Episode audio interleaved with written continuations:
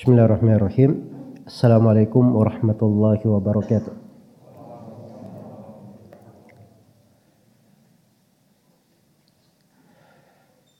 إن الحمد لله نحمده ونستعينه ونستغفره ونعوذ بالله من شرور أنفسنا وسيئات أعمالنا من يهده الله فلا مضل له ومن يضلل فلا هادي له أشهد أن لا إله إلا الله وحده لا شريك له وأشهد أن محمدا عبده ورسوله.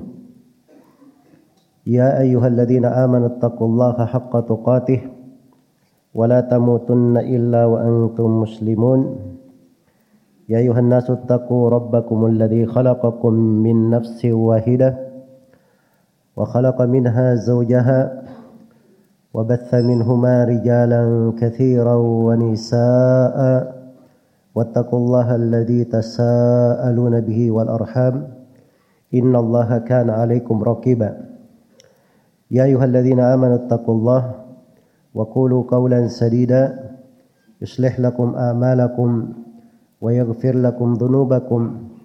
ومن يطع الله ورسوله فقد فاز فوزا عظيما. أما بعد فإن أصدق الحديث كتاب الله وخير الهدي هدي محمد صلى الله عليه وسلم وشر الأمور محدثاتها فإن كل محدثة بدعة وكل بدعة ضلالة وكل ضلالة في النار.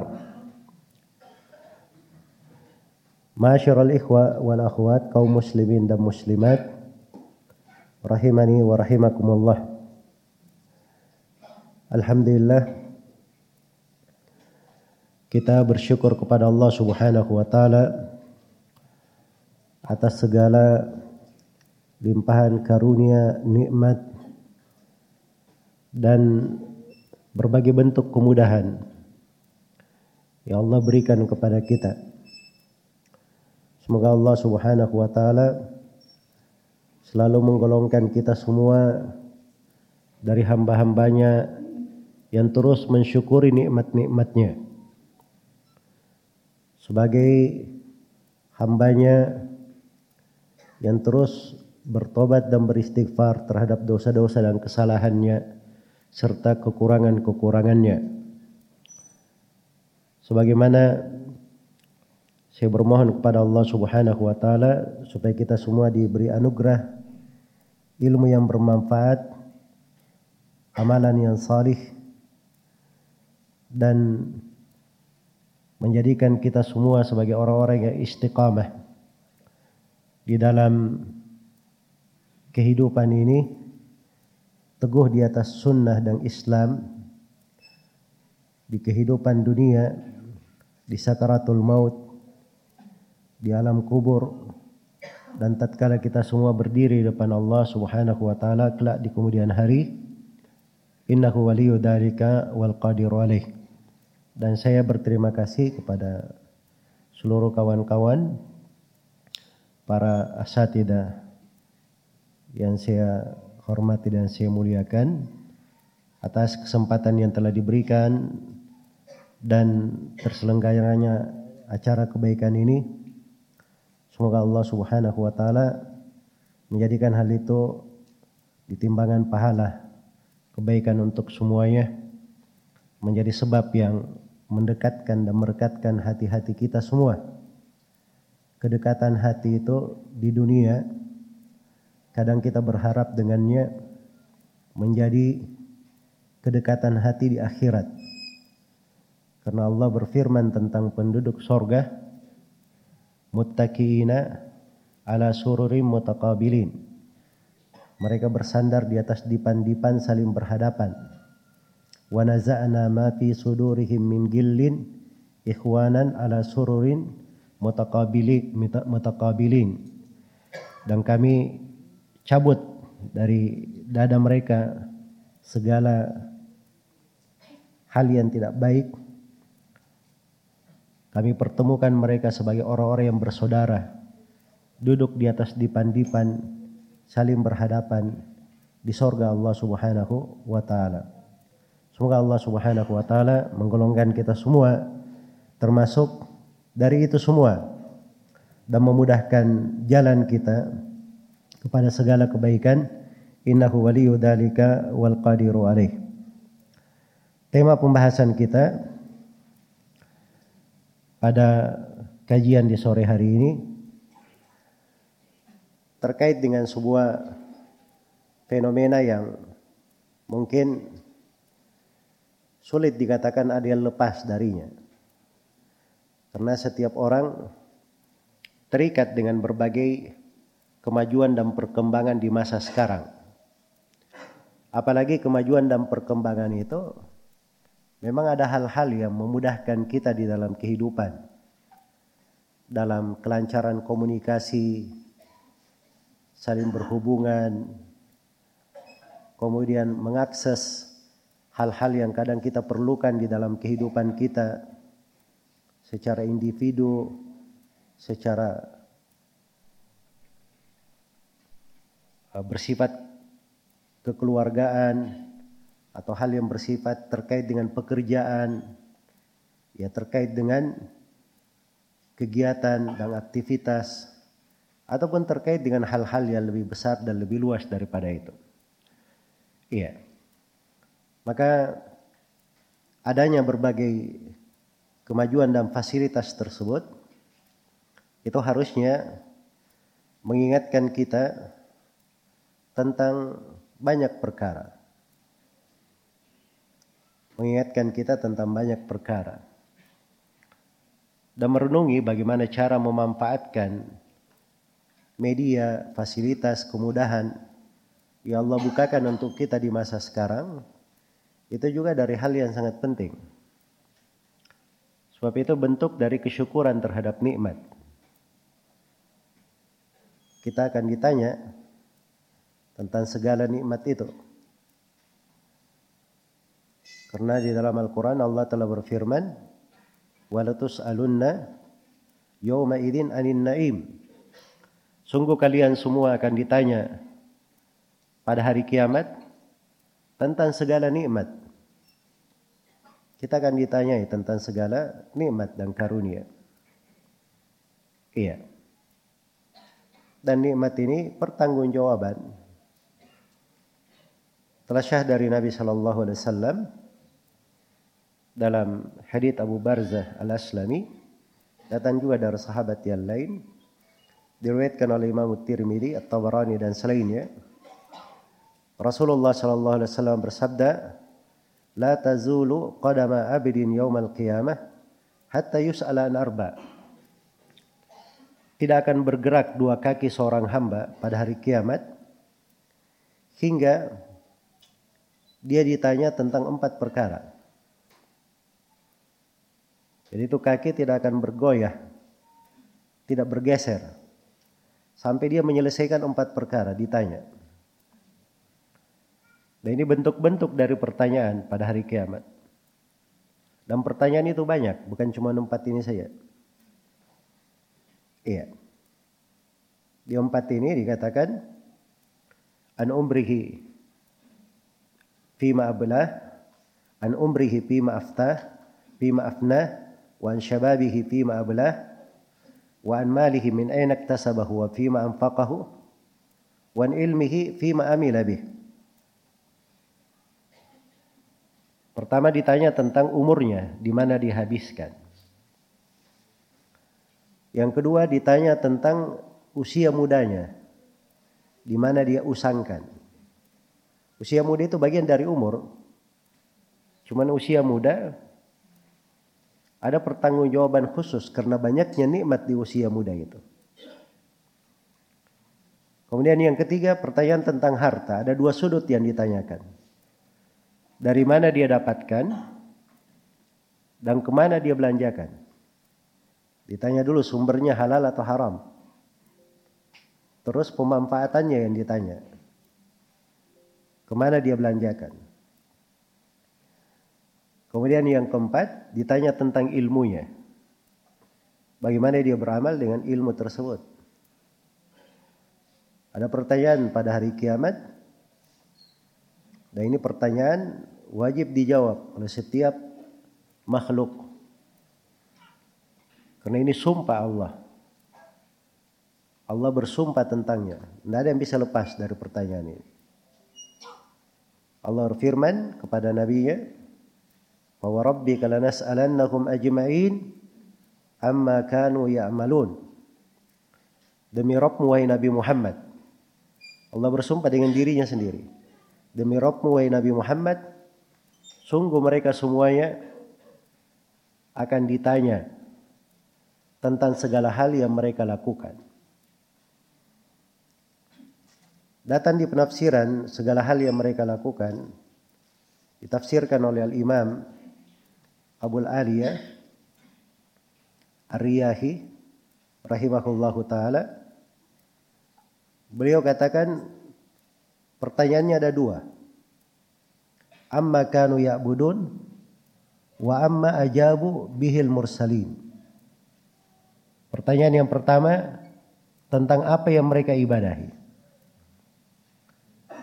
Dan pertanyaan yang kedua, bagaimana mereka menjawab seruan para nabi dan para rasul. Itu pertanyaan lagi itu. Tanggung jawab. Hidup itu di lembaran-lembarannya bagaimana kita beribadah kepada Allah. Hidup itu di dalam setiap gerak-gerik kita bagaimana kita mencocoki seruan para nabi dan para rasul. Itu ada pertanyaannya. Dan ini penafsiran Abu Aliyah rahimahullah. Salah satu dari contoh kedetailan para ulama as-salaf memahami ayat-ayat Al-Qur'an. Iya. Karena Al-Quran itu ditafsirkan dengan Al-Quran juga. Sedangkan di surah Al-Qasas dijelaskan dua pertanyaan itu. Ada firman Allah, "Wa yawma yunadihim fayaqulu aina syuraka'i alladziina kuntum taz'umun." Ketika Allah memanggil seluruh makhluk. Kemudian Allah berfirman, di mana sekutu-sekutu yang kalian sangka terhadapku itu masalah kemurnian ibadah akan ditanya. Dan itu bahasa ayat itu sebenarnya kalau kita renungi secara mendalam itu ada makna yang mendalam pula. Karena bahasanya di situ wa yauma yunadihim. Ketika Allah memanggil mereka, nida itu dalam bahasa Arab, nida. Makanya adan itu disebut nida. Karena dalam bahasa Arab itu nida, itu panggilan dengan suara keras. Allah yang memanggil langsung. Dan ini bukan masalah sembarangan. Akan dipertanyakan. Pertanyaan yang kedua, di ayat juga di surah Al-Qasas disebut juga ayat yauma yunadihim fayaqulu madza ajabatumul mursalin Ketika Allah memanggil, kemudian Allah berfirman kepada seluruh manusia, bagaimana kalian menjawab para rasul? Bagaimana kalian menjawab para rasul? Ya segala hal dalam kehidupan kita akan ditanya tentang itu. Iya. Kita akan ditanya tentang hal tersebut. Ada keterkaitannya dengan ibadah, ada keterkaitannya dengan mengikuti Rasulullah Sallallahu Alaihi Wasallam. Termasuk di dalam menggunakan media sosial dan seluruh aktivitas yang lainnya akan dipertanyakan. Karena itu ada tanggung jawab. Ada hal yang sebenarnya tidak sederhana. Karena ada hisab. Ada perhitungan ada catatan di dalam hal itu. Ini sudut yang pertama ya, yang patut kita renungi. Kita selalu memikirkan mas'uliyah, tanggung jawab kita, bagaimana mempersiapkannya. Kemudian sudut yang kedua, ada segala nikmat dan karunia itu, itu harus ada hubungannya dengan mewujudkan tujuan kita dicipta di atas muka bumi Kita dicipta itu untuk sebuah tujuan yang sangat agung. Untuk sebuah keutamaan yang sangat besar. Kebaikannya untuk kita sendiri. Yaitu untuk beribadah kepada Allah. Allah itu maha kaya. Tidak perlu kepada siapa pun dari makhluk. Walaupun semuanya beriman di atas muka bumi itu tidak menambah dari kebesaran dan keagungan Allah. Walaupun semuanya di atas hati yang paling fajirnya di atas muka bumi, itu tidak mengurangi dari kebesaran dan keagungan Allah. Kitalah yang perlu kepada Allah. Ayuhan nas, antumul fuqara'u ilallah, wallahu huwal ghaniyul hamid. Wahai sekalian manusia, kalianlah yang fakir kepada Allah. Adapun Allah dia maha kaya lagi maha terpuji. Maha kaya lagi maha terpuji. Maka kita ini dicipta untuk beribadah kepada Allah. Wa ma khalaqatul jinna wal insa illa liya'budun. Tidaklah aku menciptakan jin dan manusia kecuali supaya mereka beribadah kepadaku. Supaya mereka mentauhidkanku. Iya. Maka pada segala aktivitas kita kita harus melihat sudut ibadah kita di situ apa. Sudut ibadah kita itu apa? Harus dicari hubungannya, sudut ibadahnya apa? Baru terukur aktivitas-aktivitas yang dilakukan di dalam kehidupan itu, termasuk bermedia sosial. Iya. Jadi ini hal yang kedua yang hendaknya kita renungi. Kemudian hal yang ketiga yang ingin saya ingatkan sebelum saya masuk dalam memberikan gambaran-gambaran perbandingan dua sisi antara sudut manfaat, bahaya, pahala, dosa, pintu sorga, amalan penduduk neraka. Dua hal yang mungkin ada semuanya di media sosial. Maka ini ada hal yang ketiga yang ingin saya ingatkan di sini sebelum kita masuk ke pembahasan itu. Iya. Ada sebab-sebab yang menyebabkan pahala itu dilipat gandakan. Sebagaimana ada sebab-sebab yang menyebabkan dosa itu juga berlipat-lipat. Iya.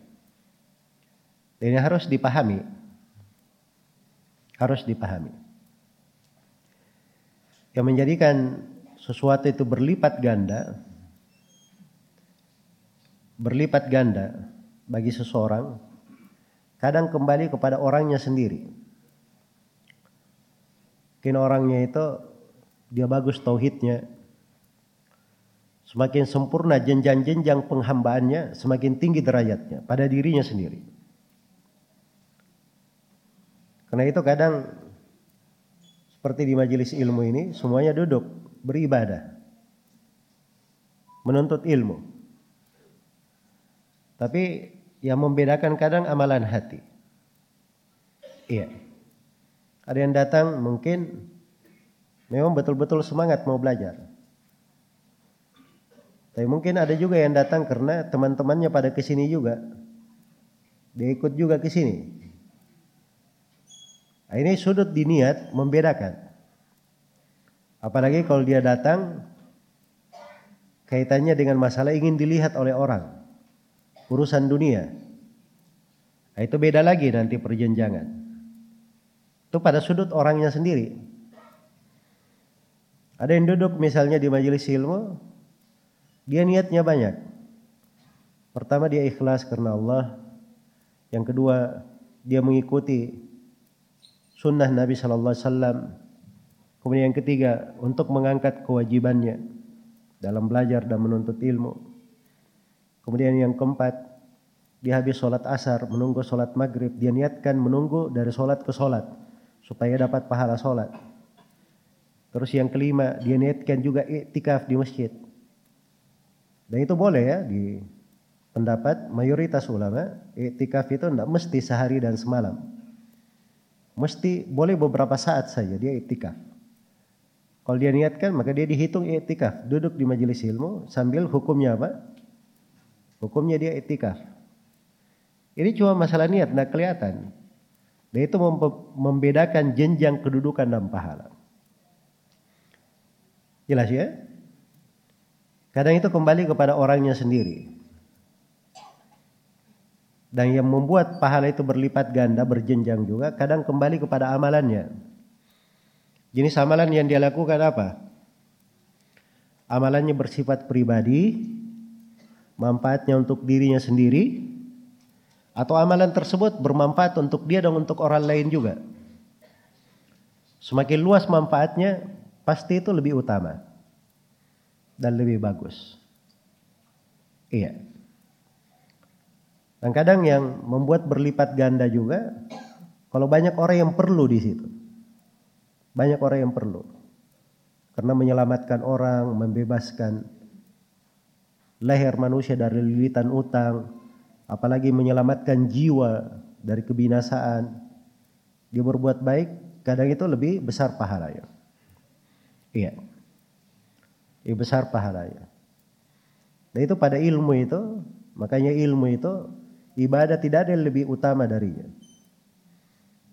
Karena ilmu itu menghidupkan. Ilmu itu menghidupkan. Kadzalika auhayna ilaika ruhan min amrina. Demikianlah kami wahyukan kepada engkau Nabi Muhammad ruh dari perkara kami. Disebut ruh. Tahu ruh?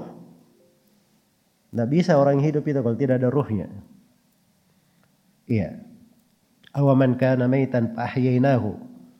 Maka orang yang tadinya dia mayat, kami hidupkan dia, dihidupkan dengan ilmu, dengan keimanan.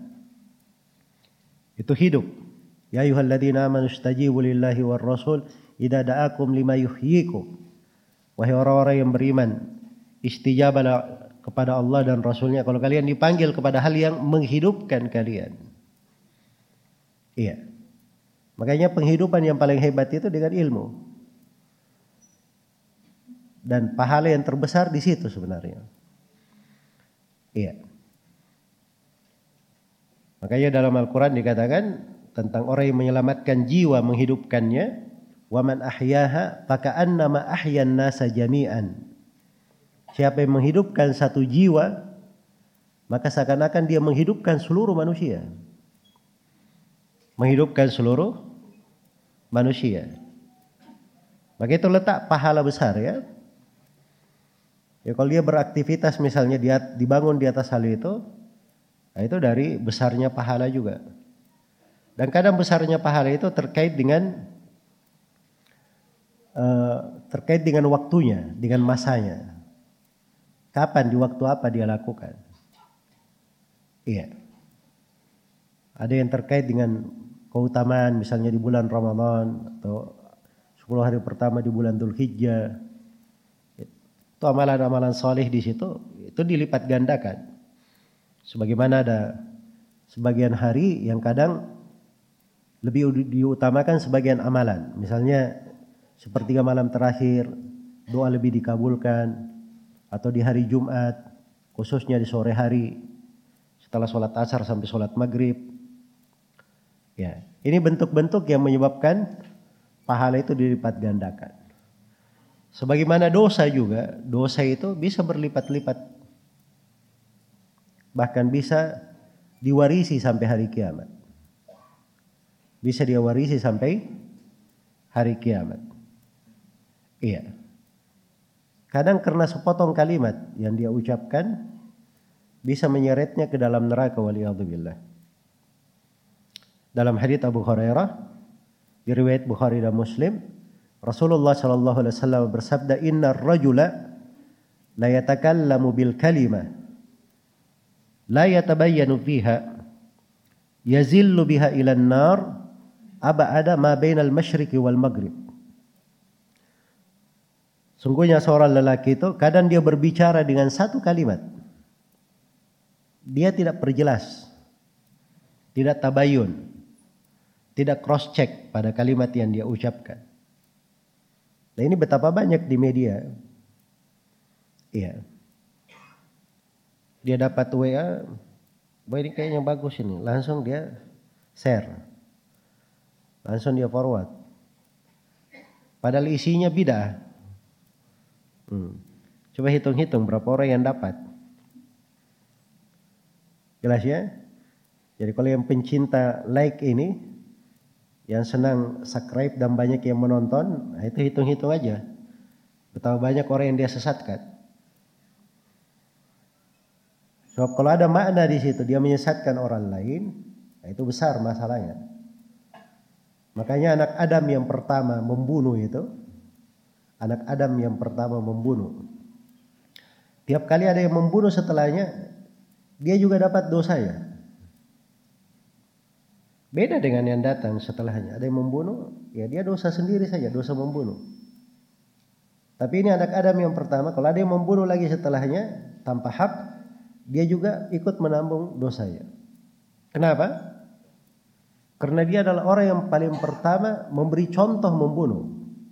Masalahnya dia memberi contoh membunuh. Dan itu disebut di dalam hadits Ibnu Mas'ud riwayat Bukhari dan Muslim. Iya. Karena itu hati-hati di dalam memberi contoh kejelekan. Liyahmilu awzarahum kamilatan yawmal qiyamah. Wa min awzari alladhina yudhillunakum bighairi ilm. Supaya mereka menanggung dosa-dosa mereka sempurna pada hari kiamat. Ditambah lagi dosa orang-orang yang mereka sesatkan tanpa ilmu. Dan di dalam hadis Jarir bin Abdullah Al-Bajali juga semana dengan hadis Abu Hurairah riwayat Muslim Rasulullah sallallahu alaihi wasallam bersabda Man sanna fil islami sunnatan hasanatan falahu ajruha wa ajru man amila biha wa la yanqusu min ujurihim syai' islami sunnatan sayyi'atan fa alayhi wizruha wa wizru man amila biha wa la yanqusu min auzarihim syai' Barang siapa yang memberi contoh yang baik diikuti oleh orang-orang, maka dia dapat pahalanya dan dapat pahala orang yang mengerjakannya tanpa mengurangi pahala mereka. Sama sekali. Tapi sebaliknya, barang siapa yang memberi contoh yang jelek, dia menanggung dosanya dan menanggung dosa-dosa orang yang mengamalkannya tanpa mengurangi dosa mereka sama sekali. Iya. Seorang berbicara dengan kalimat yang membuat Allah ridha, kadang dicatat untuknya ridho Allah hingga hari kiamat. Tapi kalau dia berucap kalimat yang dimurkai oleh Allah, akan dicatat untuknya kemurkaan hingga hari kiamat. Masalahnya kembali kepada dia sendiri. Dan ini media sosial ini pedang bermata dua. Iya. Mungkin saja baik dan mungkin jelek yang kita dapat. Tergantung kita gunakan apa. Iya. Kalau di masa dahulu itu orang kalau bergiba bergiba itu lama tersebarnya. Banyak biaya di masa dahulu itu kalau mau menyebarkan hoax. Di masa dahulu. Kalau sekarang ini tidak banyak biayanya. Cuma beli kuota saja, jago main dua jari ini, jempol-jempol, Ya. Dia tulis satu status bisa dibaca oleh manusia sedunia. Ya. Dia bisa setting gibanya. Mau setting apa? Giba lokal bisa, giba nasional bisa, giba internasional bisa. Ya, settingan dosanya juga bisa dia setting. Coba bayangkan ya. Pintu kejelekannya juga besar. Betul, manfaat itu banyak. Manfaatnya ada hal yang bagus ya, tapi dampak-dampak negatifnya itu besar sekali. Iya. Ini saya hanya cerita-cerita di pembahasan ini pada sudut akhlak saja pembawaan untuk seorang muslim. Iya. Jadi itu harus dipahami ya bahwa ada perbedaan dalam melipat gandakan pahala atau melipat gandakan dosa. Tergantung mau pilih yang mana. Dan itu tergantung pada amalan kita semua. Dalam hadits qudsi diriwayatkan oleh Imam Muslim dari Abu Dar Al-Ghifari radhiyallahu taala anhu, Rasulullah meriwayatkan dari Allah Subhanahu wa taala bahwa Allah berfirman dalam hadits ilahi, Allah berfirman ya ibadi innama hiya a'malukum. Uhsiha lakum wa uhsiha lakum wa uwaffikum iyyaha.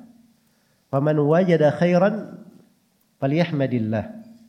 Wa man wajada ghaira dhalik fala yalumanna illa nafsah. Wahai hamba-hambaku itu adalah amalan-amalan kalian sendiri. Aku catat dengan sangat detail tidak ada yang luput di catatan Allah. Iya. Kemudian aku sempurnakan balasannya untuk kalian. Diberi balasan sempurna. Yang baik diberi kebaikan, yang jelek diberi balasannya. Setimpal sempurna. Siapa yang dapat kebaikan, hendaknya dia puji Allah. Dia diberi taufik untuk itu.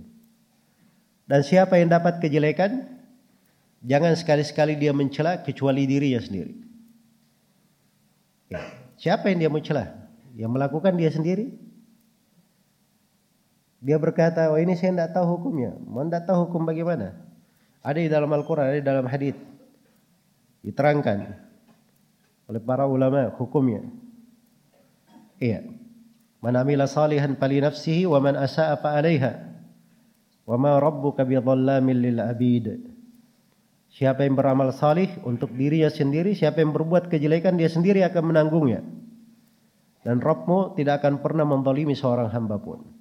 Wa wudi al-kitab fataral mujrimina mushfiqina mimma fih wa yaquluna ya wailatana ma li hadzal kitab la yughadiru saghiratan wala kabiratan illa ahsaha wa wajadu ma amilu hadiran wa la yadhlimu rabbuka ahada. Dan diletakkanlah kitab yang mencatat amalan itu. Maka berkatalah orang-orang yang bergelimang dosa. Wahai betapa kasihannya kami Betapa celakanya kami. Buku apa ini? Catatan apa ini? Tidak ada amalan yang kecil dan besar kecuali tercatat dengan sangat detailnya di dalam buku ini. Dan mereka dapati seluruh amalan mereka hadir di depan mereka. Dan Allah ingatkan bahwa Allah Rabb kalian tidak pernah mendolimi siapa pun. Itu amalan kalian sendiri. Amalan kita sendiri.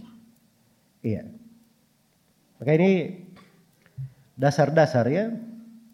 Sebelum saya masuk ke tema pembahasan supaya kita ingat mana-mana yang besar ini.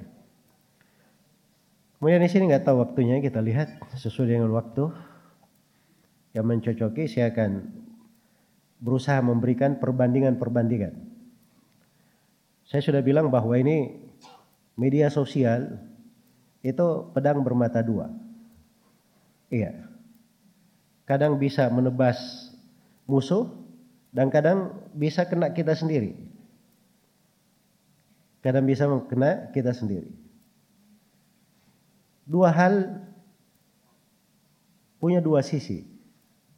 Ada sisi baiknya, ada sisi buruknya. Iya. Maka pokok yang dilihat di situ, kita lihat di beberapa sudut. Supaya kita pandai membandingkan. Pandai melihat diri kita. Bisa mempertanggungjawabkan. Kita bisa mencari sudut-sudut penghambaan di situ. Dan bisa menilai dari lahan-lahan ketaatan dan ibadah yang kita kerjakan atau besarnya pahala atau dosa. Nah, itu mungkin kalau kita renungi, mungkin ada beberapa hal yang baik kita renungi bersama di sini. Yang pertama, dari sudut memberi manfaat kepada manusia atau membahayakan manusia. Ini dua sudutnya berbeda. Iya. Seorang bermedia sosial itu bermanfaat untuk orang lain atau tidak? Kalau tidak bermanfaat untuk orang lain, mungkin bermanfaat untuk dirinya, nggak ada masalah. Iya. Atau mungkin membahayakan tapi membahayakan dirinya saja. Membahayakan dirinya itu lebih ringan. Tapi kalau membahayakan orang lain, nah ini besar masalahnya. Kalau membahayakan orang lain. Kadang ada orang-orang yang dia postingnya biasa-biasa saja. Tapi bisa membahayakan orang lain. Bisa membahayakan orang lain. Iya. Karena itu dilarang orang itu makan pakai piring, minum pakai gelas dari emas ataupun perak. Kenapa? Ya, banyak hikmah disebut di dalam syariat. Salah satunya itu bentuk dari kemewahan tidak diizinkan untuk kita di dunia. Sebab itu untuk umat Islam di akhirat. Dan bentuk yang lainnya itu bisa mematahkan hati Orang-orang fakir, orang-orang miskin. Iya. Ini orang-orang fakir miskin, dia dapat seperti itu besar sekali nilainya bagi dia. Iya. Bisa dipakai makan, bisa modal kerja, dia dipakai minum-minum saja. Jelas ya? Jadi itu bisa mematahkan hati orang miskin. Nah, ini masya Allah, main media sosial, main foto-foto, dia pamer kekayaannya, Hah? bahkan menjadi tren sudah supaya banyak yang lihat supaya banyak yang lihat acara tersebut sengaja bikin hal-hal yang seperti itu. Iya. Nah ini kadang dia tidak sadar bahwa di belakangnya itu ada dosa yang menanti. Ada dosa yang tidak boleh dianggap kecil, mungkin bisa menjadi besar. Bisa menjadi besar. Ini padahal dia cuma kesenangan saya, tapi dia nggak tahu mungkin ada yang melihatnya dari orang-orang masuk ke dalam mana itu. Dan itu tidak mendidik, tidak mendidik. Iya. Dalam Al-Quran itu disebutkan orang-orang kafir diberi di berbagai kenikmatan. Darkum ya'kulu wa yatamatta'u wa yulhikumul amal. Fasawfa ya'lamun. Biarkan mereka makan, minum, bersenang-senang. Dibuai oleh angan-angan. Nanti mereka akan rasakan akibatnya di akhirat. Kadang di dunia dibuat sebagai lapang di dalam kenikmatan. Untuk membuat siksanya di akhirat lebih besar dan dahsyat. Ada manusia seperti itu. Iya. Maka itu kadang seorang tidak terasa ya, dia membahayakan orang lain Apalagi kalau dia menggunakan media sosial untuk membahayakan manusia. Iya, untuk membahayakan manusia. Dijadikan sebagai media untuk memecah belah, menebarkan dari ilmu-ilmu yang berbahaya, ilmu perdukunan, ilmu sihir, dijadikan sebab media sosial dipakai untuk mencela para penguasa, mencela pemimpin, dipakai untuk menghasut. Nah, ini semuanya bentuk membahayakan. Iya. Maka harus dia harus kita pandai melihat penggunaan media sosial itu pada hal yang bermanfaat atau hal yang membahayakan. Yang paling bagusnya seorang mencari perkara yang paling bermanfaat. Iya. Coba bayangkan ya main tunjuk-tunjuk saya. Ini dia tidak lakukan. Dia cuma nunjuki saya. Hal yang bagus. Itu memberi manfaat kan? Dalam hadis Abu Mas'ud Al-Badri, riwayat Muslim, Rasulullah sallallahu alaihi wasallam bersabda, "Wa man dalla ala khairin falahu ajr ka ajri fa'ilihi." Siapa yang menunjukkan sebuah kebaikan, dia cuma menunjuk saja. Ini modalnya modal nunjuk saja. Mengarahkan kepada kebaikan. Dia akan dapat pahala sama dengan pahala orang yang mengerjakannya. Nah, itu pada hal yang bermanfaat, nggak ada masalah. Iya. Pada hal yang bermanfaat. Baik. Nah ini sebagian hal di media ini kadang bisa masuk ya di mana-mana di kehidupan dunia.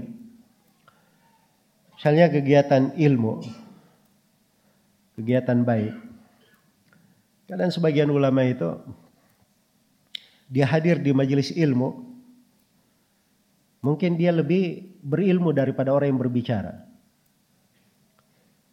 Hanya saja dia hadir di situ ditakfir sawadil khair untuk memperbanyak barisan kebaikan. Hadir bersyirikat supaya kelihatan orang yang hadir dalam kebaikan itu banyak dan membuat orang itu senang untuk mendatanginya. Itu pahala atau tidak? Pahala. Iya. Kadang di media sosial seperti itu. Di media sosial seperti itu. Ada channel bagus misalnya. Dia menebarkan ilmu. Iya. Menebarkan ilmu. Kadang kan di apa namanya informasi dari teman-teman ini ya. Biasanya kalau ada sesuatu itu ada yang kasih jempol ke atas kasih like begitu, itu nanti kalau semakin banyak akan terangkat ke tempat tinggi kan, akhirnya semakin banyak yang lihat. Eh, ini banyak juga yang bakhil itu, padahal cuma kasih jempol-jempol aja. Ya, dia jempolnya di HP-nya itu sudah puluhan ribu kali, itu satu aja nggak mau. Padahal itu bisa memberi manfaat sebenarnya. Itu contoh-contoh sederhana ya sebenarnya. Ini bagi orang yang kena musibah ya pegang HP. Saya itu selalu bilang pegang HP itu sebenarnya musibah. Ya. Tapi kalau dia setelah terlanjur kena musibah mau diapain lagi? ya, kita ini banyak kena musibah ya. Saya saya punya dua HP. Ya. Saya sudah membuat satu, ada lagi yang kasih saya satu. Karena mau diapain juga banyak pekerjaan terkait dengan itu. Iya. Jadi kayak gitu aja ya musibah ya kita selalu berucap aja innalillahi wa inna ilaihi rajiun ya supaya diganti yang lebih baik aja dan ditambal musibah ya. Kan begitu. Ya maksudnya ada hal-hal yang baik yang orang itu bisa dia masuk di situ memberi manfaat kepada orang-orang. Iya. Sebab manfaat itu tidak mesti kita paling depan. Ya, tidak mesti kita paling depan. Ini sudut manfaat ya. Oh saya ini bagus ini menurut bermanfaat. Saya bikin channel sendiri saja. Ya. Bikin channel sendiri, dia posting hal-hal dia tidak punya ilmu, dia bikin gaduh di tengah manusia. Ya. Apalagi jurusnya cuman copy paste saja.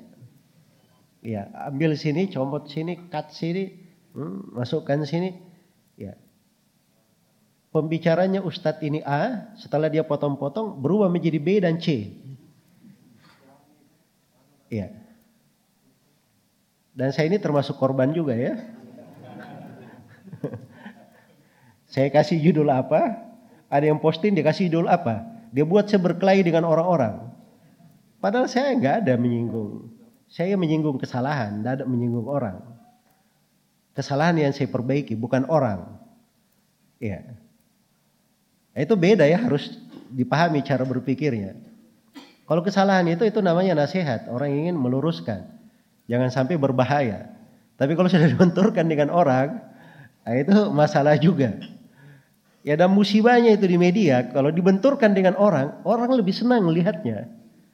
Iya. Oh ini Ustadz ini gimana? Dia sikat siapa ini? Nah.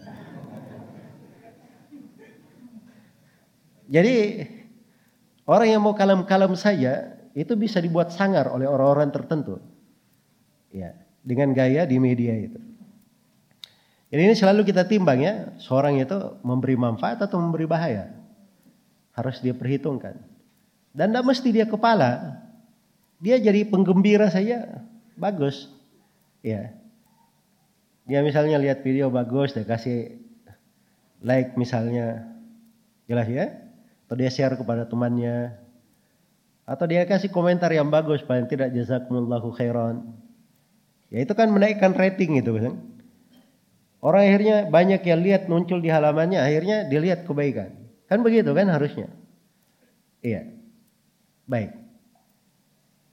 Tapi kalau misalnya ada hal gitu dia capila juga masuk di dalamnya. Komentar sembarangan. Ya. Kadang ada yang mendebat ustadznya. ya, mendebat ustadznya. Saya ingat dulu ya. Saya muat di salah satu di majalah kita. Ada fatwa guru kami Syekh Ahmad Tan-Najmi tentang masalah orang bayar pajak begitu. Ya. Ada yang kirim uh, pesan ke saya. Katanya ini fatwanya Syekh ini bahaya Ustadz, bisa menyesatkan umat. Masya Allah. Jadi mau lebih hebat daripada syekhnya. Ya. Ingin lebih hebat daripada syekhnya. Padahal dia tidak tahu duduk masalahnya itu apa di kalangan para ulama. Cara berpikirnya itu bagaimana. Kaidah pendalilan itu bagaimana. Itu perlu 10 tahun, 20 tahun baru belajar dulu. Belajar, baru bisa berpikir sama dengan Syekh Ahmad Tan-Najmi. Iya. Ini tiba-tiba mau komentari. Wah ini cakep sekali ini. Ya kalau sekarang kan begitu gayanya kan. Ya semakin banyak yang aneh, malah yang semakin sering bikin gaduh, ah, itu semakin cepat itu terangkat itu. Makanya sekarang katanya ada yang kasih kaidah ya khalif tu'raf. Ya bikinlah kegaduhan sana sini, selisih semua orang, kamu akan terkenal. Kamu akan terkenal. Nah, itu nggak bagus itu cara seperti itu. Itu lebih cenderung kepada bahaya. Dan itu tidak diperbolehkan. Baik itu sudut yang pertama. Sudut yang kedua, media sosial antara menyebarkan ilmu atau membagi kejelekan. Itu harus pandai kita jeli membedakan. Mana hal yang sifatnya menebarkan ilmu dan mana hal yang sifatnya kita itu ikut andil dalam kejelekan. Iya. Nah ini kalau seorang tidak bisa membedakan, jangan dia ikut-ikut di situ. Cari aman saja. Cari aman. Dan ini bertingkat-tingkat ya di pemain media sosial. Iya. Subhanallah ada kadang sebagian orang ya dia masuk ke dalam apa namanya media, dia sudah belajar jago dia. Dalam waktu dekat kalau dia main di misalnya di YouTube, subscribe-nya itu bisa sampai ratusan ribu, sejuta dalam waktu singkat, cepat. Iya. Dia bikin Facebook misalnya, yang like itu bisa jutaan, cepat dia buat. Nah, itu ada cara-caranya sendiri ya. Katanya begitu saya dengar-dengar ya dari apa namanya yang membisikkan ke saya. Ya, tentang hal tersebut. Baik. Jadi ini kalau dia pakai di dalam menyebarkan kebaikan, oh banyak betul kebaikan dia dapat, betul.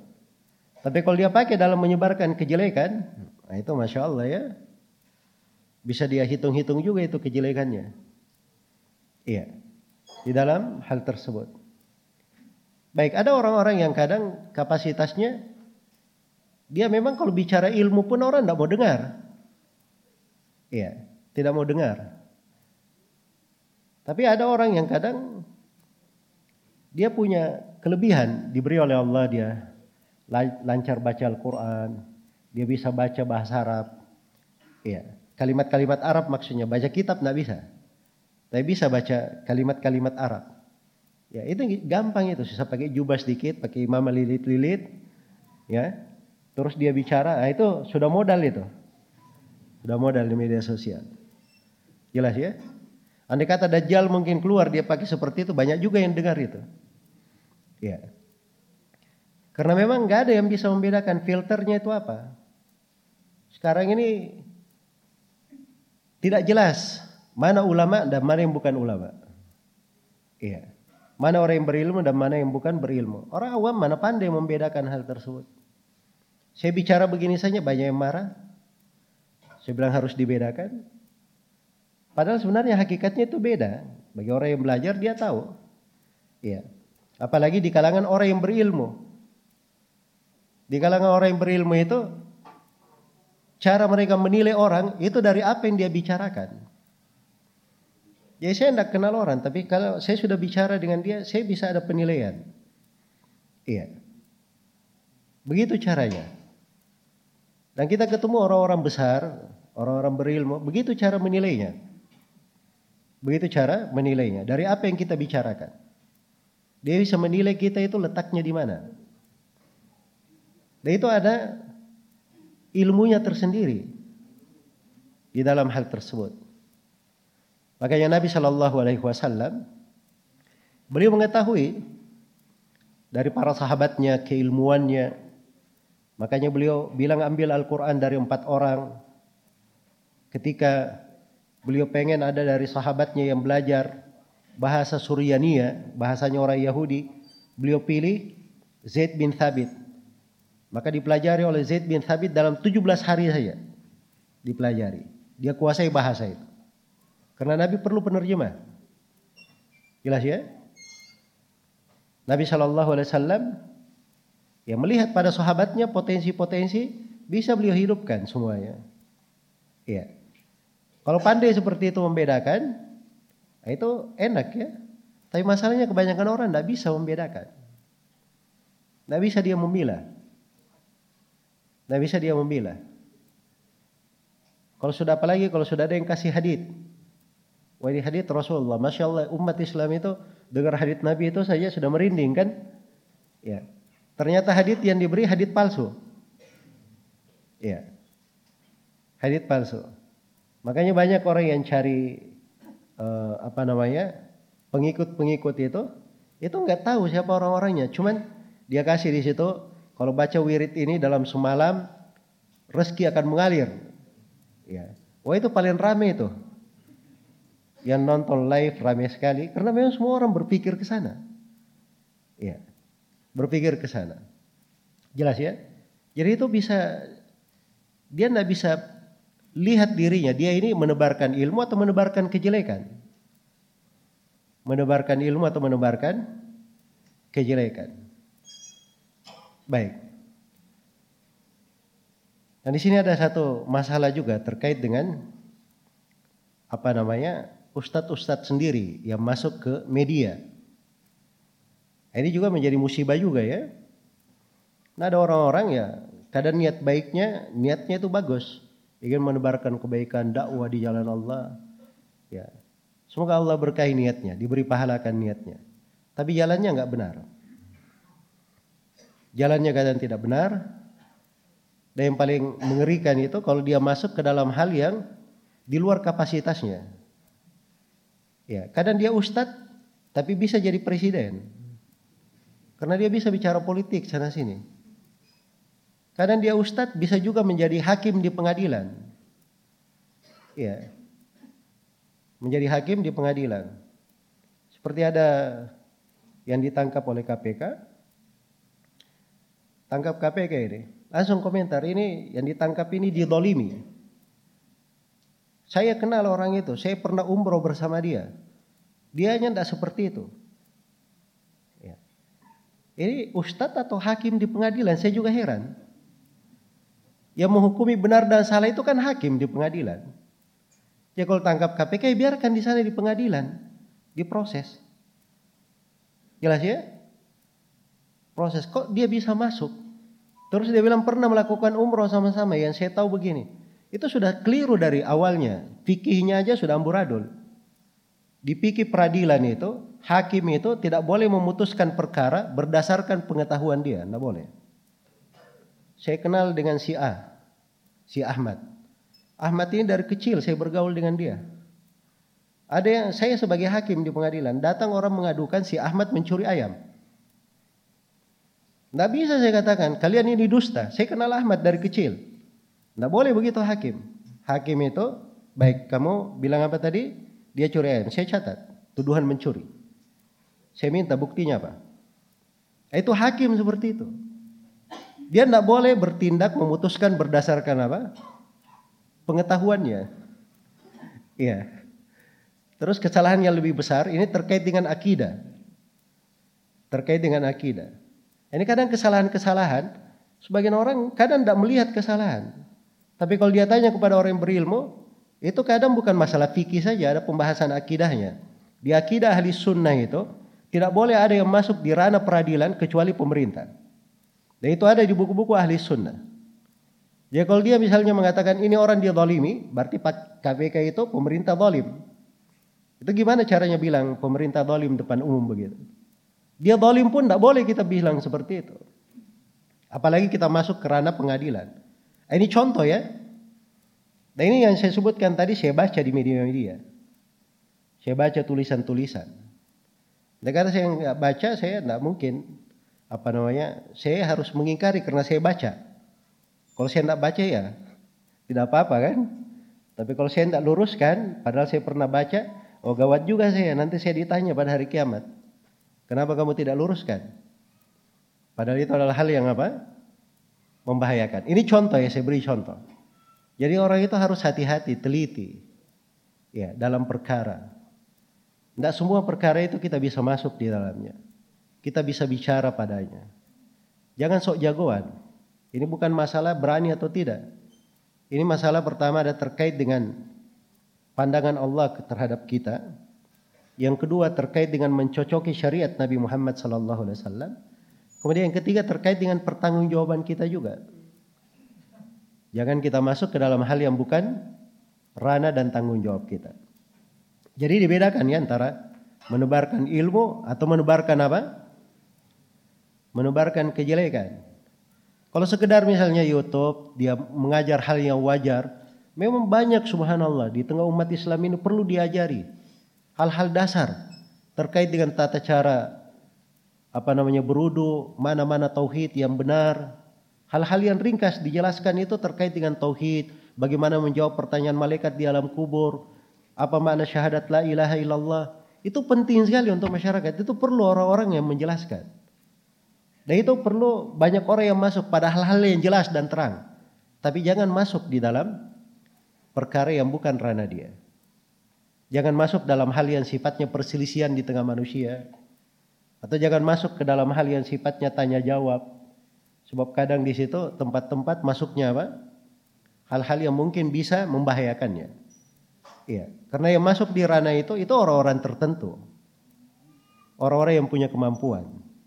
Dan orang-orang yang sudah dipersaksikan oleh para ulama dia bisa untuk itu. Ya kalau tidak ada modal untuk seperti itu, masuk ke dalam hal itu, itu bahaya, bisa membahayakan diri sendiri. Bisa membahayakan diri sendiri. Baik. Kemudian yang ke berapa sekarang? Yang ketiga. Kita lihat media-media sosial itu dari sudut mewujudkan kebaikan atau menyebar-nyebar berita-berita tentang kejelekan atau hoax atau yang semisal dengannya. Iya. Kalau sifatnya mewujudkan kebaikan pada perkara yang memang hal yang baik, bagus disebarkan, lumrah diterangkan, maka itu enggak ada masalah. Enggak ada masalah. Ada hal-hal yang kadang rahasia. Iya. Enggak bagus disebut. Saya itu sebagian kadang menyebut hal-hal sebenarnya menyebutnya itu iya dari perkara yang harusnya disimpan, disembunyikan. Tapi kadang hal itu diperlukan untuk menolak fitnah dan menolak sangkaan buruk. Iya, makanya Abu Hurairah itu dia ditanyai oleh sebagian manusia, kenapa Abu Hurairah paling banyak meriwayatkan hadis? Padahal Abu Hurairah bersahabat dengan Nabi Shallallahu Alaihi Wasallam cuma empat tahun. Maka Abu Hurairah pun bercerita, ya bahwa beliau itu kadang bersama Nabi Shallallahu Alaihi Wasallam dalam keadaan perutnya kelaparan sampai dia ikat batu di perutnya untuk mengobati dirinya seakan-akan dirinya kenyang dia ikat batu ya supaya bisa dekat dengan Nabi Shallallahu Alaihi Wasallam pada saat pada saat di sebagian hari sahabat sedang di pasar sedang di kebunnya Nabi berkata siapa yang menghamparkan ridanya kemudian dia genggam ke dadanya, dia tidak akan lupa hadis dari saya. Dan yang hadir waktu itu cuma Abu Hurairah. Ya. Kata Abu Hurairah itulah yang menyebabkan saya bisa hafal. Banyak hadis Rasulullah SAW. Ini kan cerita Abu Hurairah sebenarnya pujian untuk dirinya. Pujian untuk dirinya. Tapi Abu Hurairah menyampaikan hal itu itu dalam rangka pembelaan terhadap sunnah. Dia ini menyebarkan hadis Nabi. Jangan sampai ada mencurigainya. Dia harus terangkan alasan logis bahwa yang dia sampaikan dari hadits Nabi itu memang seperti itu karena dia didoakan oleh Nabi Shallallahu Alaihi Wasallam. Ya ketika Imam Malik berkata saya tidak memberi fatwa kecuali dipersaksikan oleh 70 orang guru saya. Harusnya kan dia simpan-simpan saja. Ini dipuji sama gurunya kenapa dia sebar-sebar?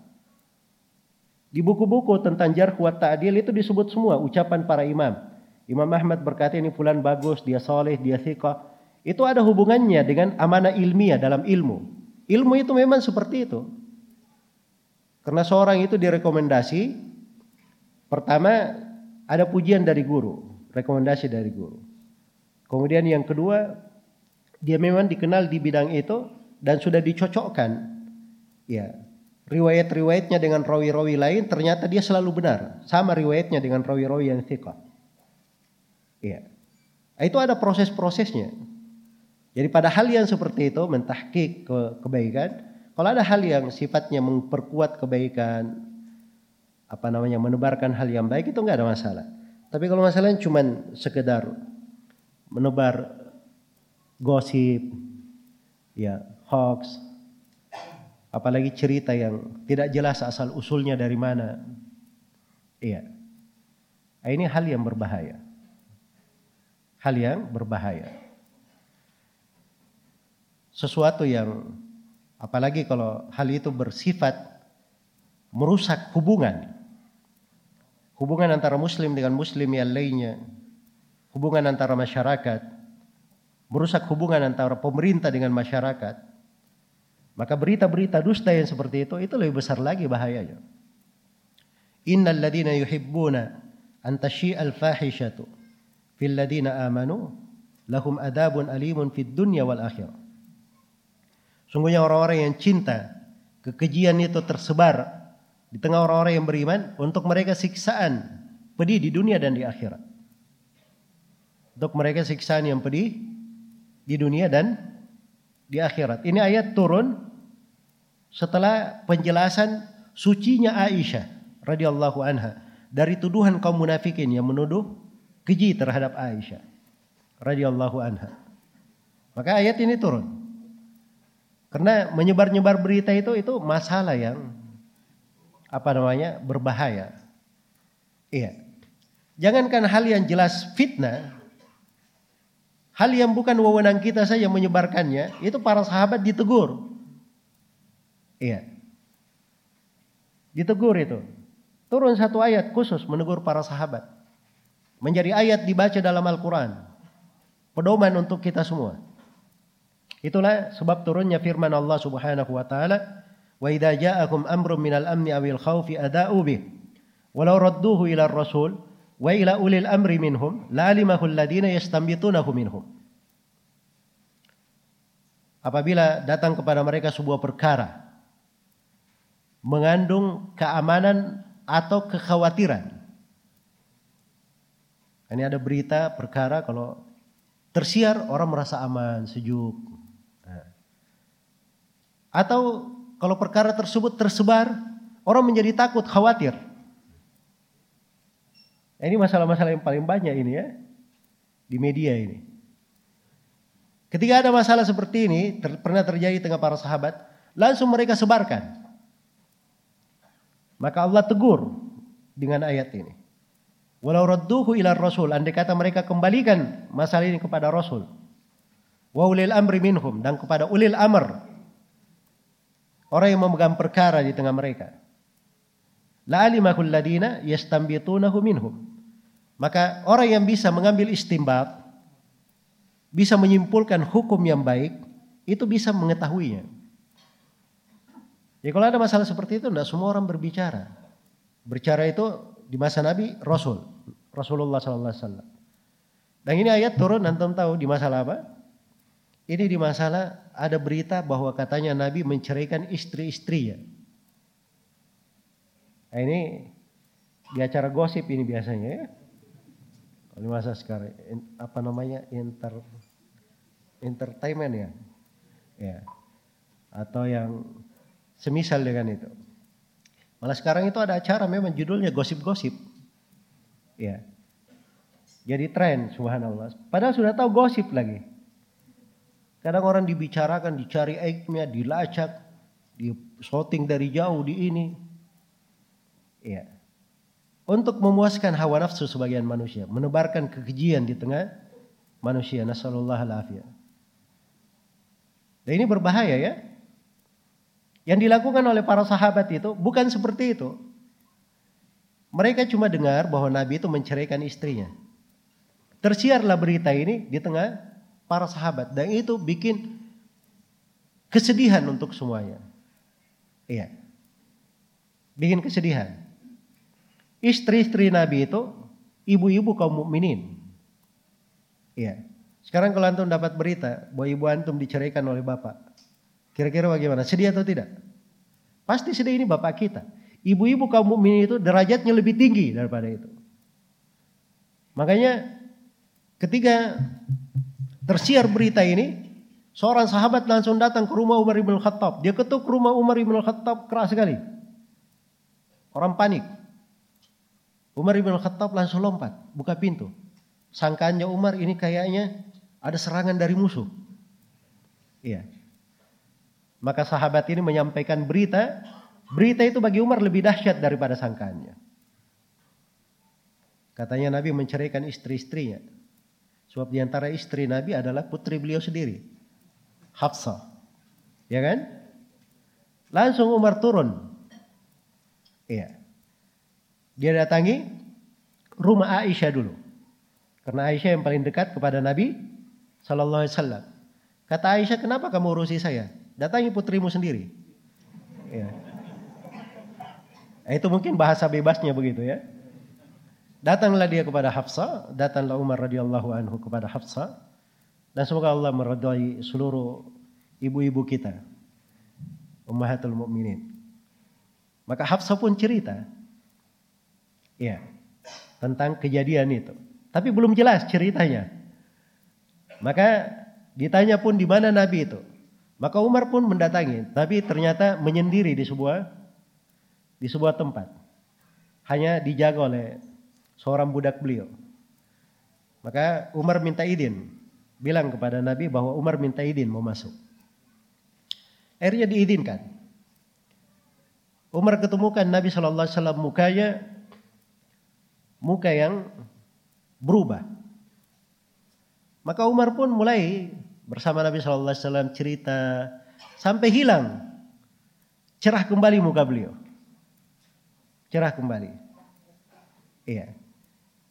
Barulah setelah itu Nabi uh, Umar tanya kepada Nabi ya Rasulullah apakah benar engkau mentalak istri-istrimu? Kata Nabi tidak benar.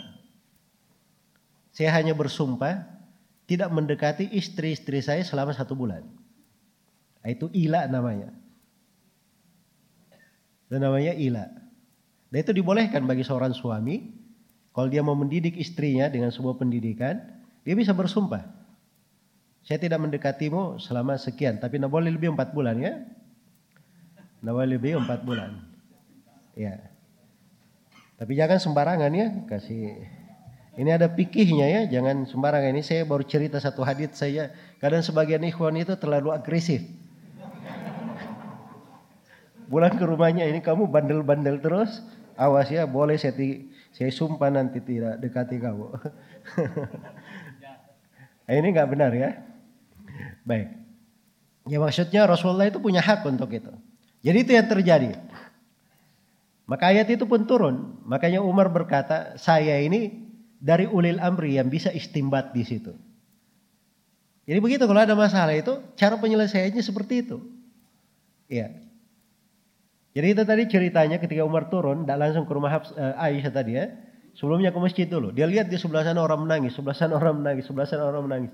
Itu heboh sekali memang kejadian. Gara-gara berita. Ah, ini di tengah sahabat, kejadian seperti ini saja. Turun ayat menegur mereka. Subhanallah. Kita ini berita-berita itu kadang tersebar, sudah tersebar sana sini. Eh, yang menyebarkannya mengaku dia berdusta. Ya. Jelas ya? Ini subhanallah ya. Sudah bikin heboh sana sini. Ternyata yang mengaku itu sendiri, mengaku dirinya apa? Dia mengakui bahwa dirinya berdusta di dalam tersebut. Kedustaan cepat tersebar. Apalagi yang ingin berbuat kerusakan, mengadu domba. Ya, gampang caranya itu, mudah. Yang berbuat kejelekan juga gampang dia bikin sebar berita-berita. Itu saya diberi apa namanya informasi ya dari seorang ikhwan dan saya uh, percaya dengan infonya. Karena saya tahu dia apa namanya uh, mengerti hal-hal itu. Jadi ada sebagian kejadian di sebagian wilayah di Indonesia ini ada orang Syiah diusir oleh sekelompok umat Islam, orang Syiah ini. Nah, itu katanya sebelum terjadi kejadian itu, ada wartawan-wartawan asing yang sudah sebar berita ke teman-temannya, besok akan ada kejadian seperti ini. Pergi kalian meliput di sana. Akhirnya menjadi rame lah. Wah ini orang Syiah didolimi. Akhirnya pentolan-pentolan Syiah bisa tampil di televisi, klarifikasi. Eh, itu yang diinginkan itu sebenarnya. Jadi korbankan anak buahnya ini biar kena kedoliman di, dibakar dan seterusnya supaya dia bisa tampil dikenal. Ya. Jelas ya? Nah itu sudah disetting, wartawan sudah tahu sebelum terjadi. Wartawan asing lagi. Jelas ya? Jadi hal-hal yang seperti itu kadang di masa sekarang ini bukan hal yang aneh. Yang aneh itu orang belajar, dia baca di media, ikut juga jadi baper. Nah ini yang tidak wajar sebenarnya. Jelas ya? Makanya saya bilang tadi itu HP itu musibah juga. Yang dikata dia tidak pegang HP, dia tidak dia tidak tahu apa yang terjadi. Ya, dia tidak tahu apa yang terjadi. Tapi itulah masalah juga kita. Ya seperti saya ini saya kadang perlu tahu apa yang terjadi di dunia ini. Supaya kalau khutbah Jumat saya itu bicara dengan orang yang ada di planet dunia. Ya. Saya tahu kejadiannya apa, saya kasih tema khutbah yang mencocoki kejadian manusia sekarang ini. Jangan sampai saya kasih tema, orang lagi sedih di satu hal, saya kasih tema di hal yang lain. Ya, itu kadang ya, kadang. Walaupun dia tidak wajib bagi saya, ya, tapi saya lihat dari sebagian guru-guru saya, seperti itu dia. Kalau mau beri khutbah dia, kadang dia tanya, kadang dia dengar berita, dia punya radio, dia dengar berita, apa yang terjadi, dari itu dia kasih hal-hal yang cocok untuk umat Islam. Iya. Jadi kadang ada seperti yang saya bilang tadi itu ya, musibah itu kadang jadi musibah juga. Tapi apa boleh buat? Ya, dijalani saja. Hanya saja kita harus pandai membedakan mana yang sifatnya kita mewujudkan kebaikan dengan manusia dan mana yang sifatnya menebarkan hal yang apa? Hal yang tidak baik. Sudut yang keempat. Ya. Perbandingan dari arah seseorang itu dia di dalam berselancar di media sosial itu antara membangun akhlak yang baik atau dia meruntuhkan dari pembawaan-pembawaan yang baik. Antara ar-radila, kejelekan atau antara fadilah, keutamaan. Iya. Itu harus dia perhatikan dengan banyak hal kalau misalnya orang masuk ya dalam perkara yang bercampur-campur di situ ada yang baik ada yang buruk itu tinggalkan. Ya masuk ke dalam hal yang baik saja untuk pastikan baik. Bagaimana caranya? Tanya kepada orang-orang yang ahli di IT di media. Bagaimana caranya kalau saya misalnya baca berita saya dapat yang baik saya ya atau saya ingin yang jenisnya seperti ini saja? Bagaimana misalnya kalau saya uh, apa namanya uh, buka sebuah situs yang saya ingin lihat gambar-gambar tidak tampil. Saya baca beritanya saya. Itu kan ada cara-caranya itu. Ada cara-caranya. Ya kalau dia punya pengetahuan itu nggak apa-apa, dia masuk itu kan dia pastikan bahwa dia sendiri sebenarnya berhati-hati. Dan dia sendiri hanya melihat pada hal yang membangun akhlak dan kebaikannya. Dia hanya melihat kepada pelajaran, pada ilmu, atau pada hal-hal yang bermanfaat. Misalnya dari sifat pekerjaannya yang dia tekuni, ada cara berbisnis yang bagus atau cara uh, membangun sebuah ada ada teritorial misalnya tertentu dia perlukan atau cara bertani, cara bercocok tanam atau cara begini dan begini. Itu kan hal-hal bermanfaat. Ya. Dia pastikan bahwa di dalam hal tersebut itu bermanfaat dan membangun akhlak yang baik untuknya. Dan dia hindari hal-hal yang bisa merusak akhlaknya. Hal-hal yang bisa merusak akhlaknya. Iya. Terus satu lagi, antum kalau punya media, itu antum harus hafal itu doa itu baik-baik. Ada doa itu kalau kena musibah ya. Di riwayat At-Tirmidzi kata Nabi sallallahu alaihi wasallam, "Man ra'a musaban Faqala alhamdulillahilladzi afani mimma ibtalaka bih wa faddalani ala kathirin mimma mimman khalaqa tafdila. Ya kalau ada yang kena musibah, kalau kita baca doa itu, maka kita tidak akan terkena musibah itu. Iya. Itu yang banyak lihat di media itu banyak musibah sebenarnya. Lihat orang, waduh akhlaknya buruk sekali. Itu kan musibah sebenarnya menimpa orang. Ya, baca doa itu supaya kita tidak kena hal yang seperti itu juga. Jelas ya? Lihat ahlul bidah, baca doa itu supaya tidak menjadi ahlul bidah juga. Iya. Itu musibah, musibah lebih besar malah. Bidah itu lebih berbahaya daripada apa? Daripada maksiat. Itu dicoba di dihafal doa itu baik-baik ya. Kalau memang seorang itu teruji dengan hal yang seperti ini. Iya. Dia pakai pada hal yang baik, membangun akhlaknya. Dia tinggalkan pada hal yang buruk. Dia masuk jangan masuk ke dalam perdebatan, percekcokan. Iya. Percekcokan. Ya. Itu saya lihat ya di sebagian di sebagian ini itu saya nggak tahu isinya dari mana. Ada misalnya Ustadz ya, bicaranya bagus Ustadz ini. Komentarnya cuma salahnya Ustadz ini dia buka semua komentar di situ. Nggak tahu yang komentar di situ dari kalangan jin atau manusia. Ya. Jelas komentarnya macam-macam. Hampir ribuan. Ada yang debat di situ. Kenapa bisa seperti ini? Oh, panjang sekali. Ya. Nah, ini kira-kira bagaimana caranya dia masuk di media Ya. Dia ketemu dengan orang-orang yang seperti itu, akhlaknya saja, bicaranya saja tidak bagus. Ya. Itu bisa mempengaruhi jiwa kita. Sebab seorang itu kadang tidak pernah lihat hal yang tidak baik, tiba-tiba dia dia melihatnya. Ya. Walaupun dia tidak melakukan, tapi itu menjadi masalah di dirinya. Menjadi masalah dirinya. Makanya sebagian ulama ahli hadis itu kita cerita ahli hadis ya.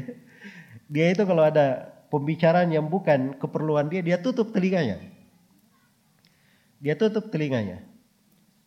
Karena dia ini apa saja yang dia dengar dia bisa hafal.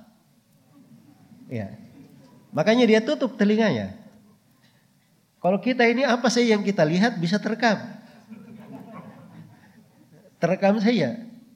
Tapi terhafal Masya Allah kalau tulisannya. Nah, ini yang repot bagi kita ya. Makanya jangan sembarang melihat. Ya, lewat-lewat saja itu kadang nggak enak di hati.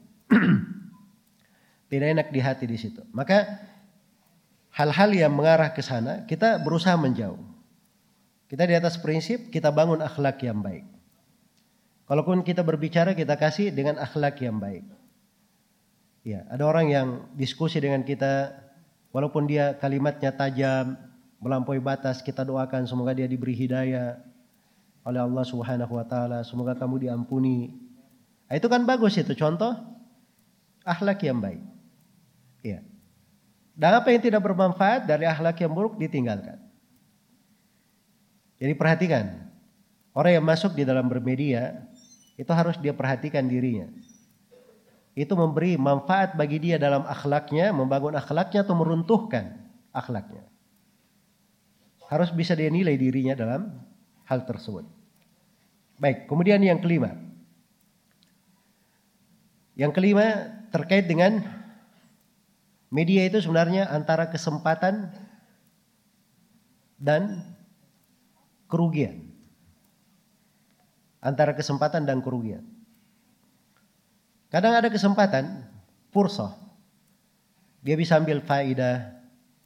Ya, karena tidak bisa dipungkiri juga ya, seperti misalnya kajian sekarang ini itu diliput Ya, orang-orang mengambil manfaat bisa melihat apalagi orang-orang yang biasanya di rumah sulit mendengarkan ilmu sebelumnya, sulit medianya, sekarang menjadi mudah sekali. Ya. Rekaman-rekamannya ada. Mudah untuk dilihat. Kapan dia punya saluran saya, jaringan dia sudah bisa masuk, bisa melihatnya. Bisa mendengarkan pelajaran. Nah, itu kan kesempatan sebenarnya. Dan itu bagus. Walaupun ada perbedaan ya antara orang yang hadir online di sini dengan hadir apa orang yang hadir offline di sini hadir langsung dengan hadir online itu ada perbedaan. Yang hadir secara langsung itu itulah yang mendapatkan keutamaan orang yang hadir di majelis ilmu secara khusus. Tapi orang yang menghadiri secara online juga dapat keutamaan dari sudut menuntut ilmunya secara umum. Dari sudut menuntut ilmunya. Iya. Dan sampai ilmu kepadanya. Sampai ilmu kepadanya. Dan itu lebih baik daripada dia baca-baca sendiri. Memahami sendiri. Kata para ulama, man dakhala fil ilmi wahdah kharaja wahdah. Siapa yang masuk dalam ilmu sendirian, dia akan keluar sendirian juga. Iya. Maksudnya kalau dia masuk dalam ilmu sendiri, pemahaman sendiri, dia akan keluar dengan pemahaman sendiri juga, tidak ada yang mendahuluinya. Karena dia cuma baca saja. Cuma baca. Oh saya sudah bisa baca kitab Ustaz. Terus bagaimana? Iya, Imamul Bukhari itu jago bahasa Arab. Imam Muslim.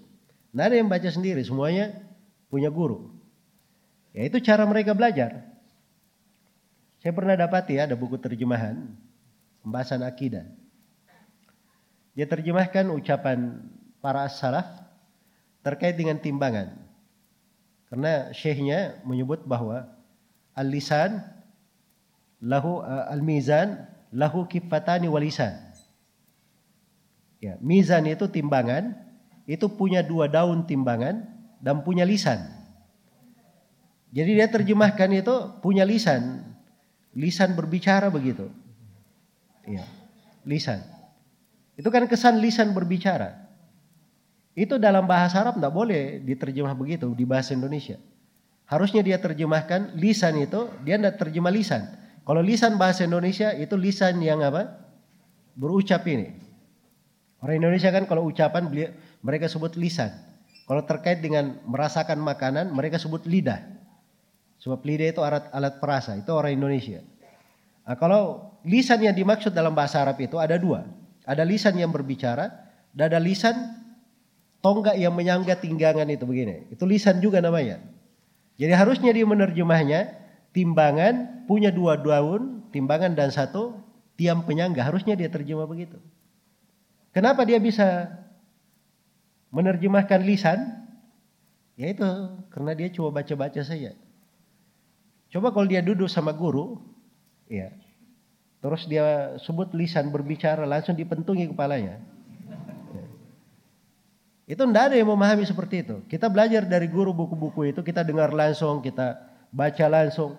Ya, tidak ada di antara mereka yang mengisyaratkan lisan berbicara, tidak dari dekat, tidak dari jauh. Itu penjelasannya selalu terang. Nah, itu fungsinya kenapa? Harus belajar dari guru. Baik. Jadi kadang ada kesempatan, peluang. Seorang bisa mengambil kebaikan.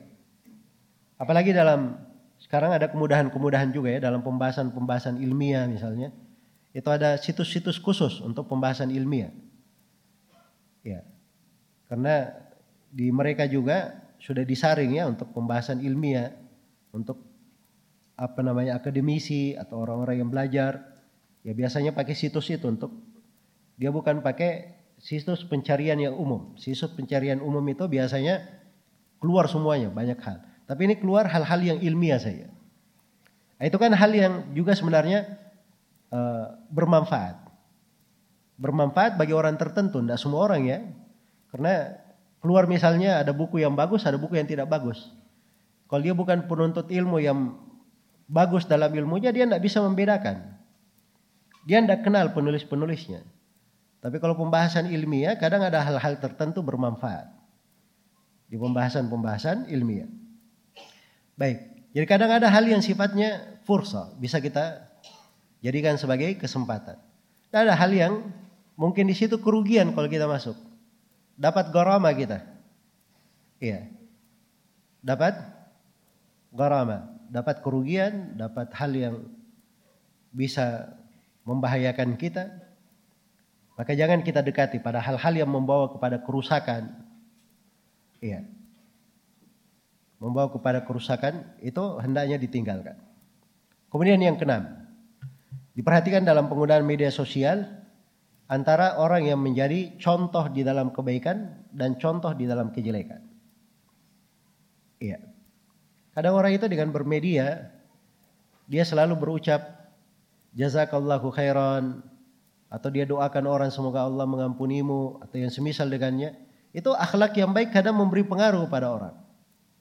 Iya. Orang Indonesia aja terima kasih, terima kasih begitu. Itu terasa sopan begitu. Orangnya. Dan itu memberi penilaian tersendiri. Jelas ya? Maka hal-hal yang seperti itu, itu bagus untuk dicontoh, diikuti. Sebab orang kalau jadi contoh dalam kebaikan, itu sangat sangat bermanfaat bagi dia, besar pahalanya. Kalau dia tidak bisa jadi contoh, dia jadi pengikut dalam kebaikan, jadi pengikut. Yang penting jangan jadi contoh di dalam kejelekan. Jadi kepala di dalam kejelekan.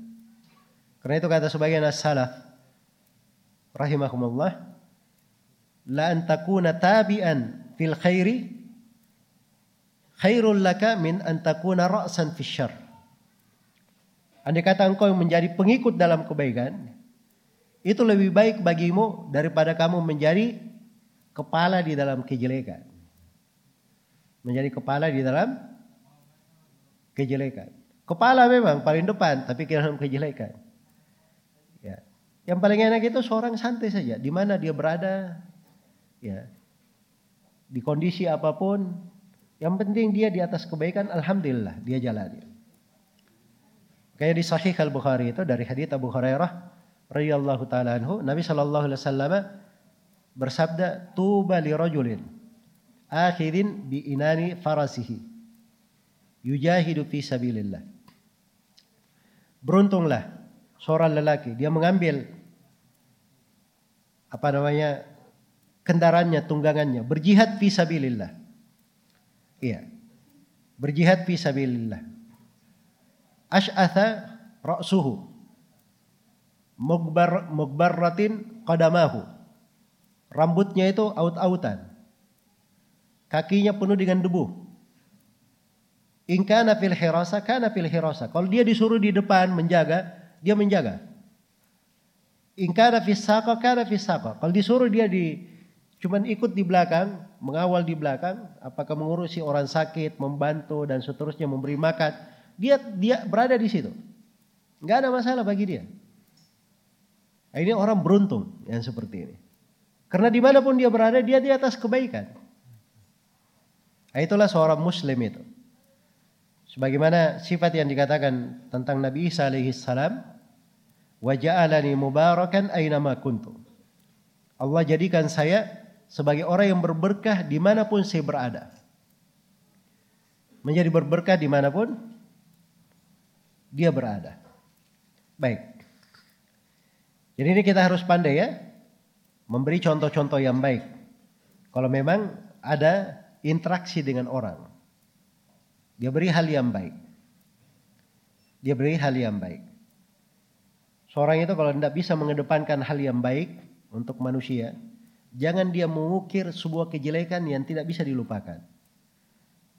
Dia bikin hal yang baik saja.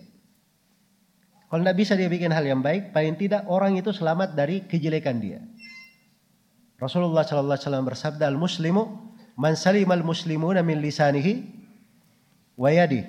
Seorang muslim itu adalah siapa yang kaum muslimin selamat dari gangguan tangan dan dan lisannya. Baik. Nah, itu seorang muslim. Manusia itu selamat dari gangguan tangan dan lisannya. Baik, kemudian yang ke Yang ketujuh, terkait dengan masalah menulis. Nah, ini menulis ini Alkitab namanya. Ya, jangan menulis dengan sesuatu dengan kedua tangan kita atau dengan jempol kita kalau sekarang ya. Dengan ujung jari kita. Sesuatu yang membuat kita menyesal di hari kiamat. Iya. Sebab tulisan itu apa yang ditulis oleh jempol itu itu antara dua. Kalau bukan pahala dosa. Bukan pahala dosa. Ingat ya Ibnul Qayyim itu sebutkan di tafsir ayat liman syaa ayataqad faman syaa ayataqaddama au ayataakhir. Siapa ingin maju ke depan atau dia mundur ke belakang. Kata beliau hidup itu cuma dua. Kalau tidak maju ke depan berarti dia mundur ke belakang. Tidak ada yang tengah-tengah diam. Hanya ada dihitung dia maju atau dihitung dia mundur. Dihitung dia mundur. Yang dilakukan oleh manusia cuma dua kata Nabi Shallallahu Alaihi Wasallam dalam hadits Abu Malik al Ashari riwayat Muslim, kullun nasi yagdu, fabai'un nafsahu, pamu'tikuha, umubikuha. Setiap manusia itu berusaha. Dengan usahanya dia melakukan transaksi pada dirinya sendiri. Ada yang membebaskan dirinya dari api neraka, dan ada yang menjatuhkan dirinya ke dalam api neraka. Cuma ada dua amalan. Dirhitung baik untuknya membebaskan dari api neraka atau menjatuhkannya ke dalam neraka waliyadzubillah. Sebaliknya. Iya. Dulu itu orang Indonesia bilang mulutmu harimaumu. Bisa makan kamu. Sekarang terbalik. Sudah ada sudah mulutmu harimaumu sekarang. Yang ada jempolmu harimaumu. Iya. Gara-gara jempol itu subhanallah bisa bikin apa namanya orang di penjara, bikin heboh satu dunia. Ya. Jelas ya? Dan bikin apa namanya? Orang-orang kadang baca berita-berita tidak bermanfaat gara-gara jempol itu. Iya.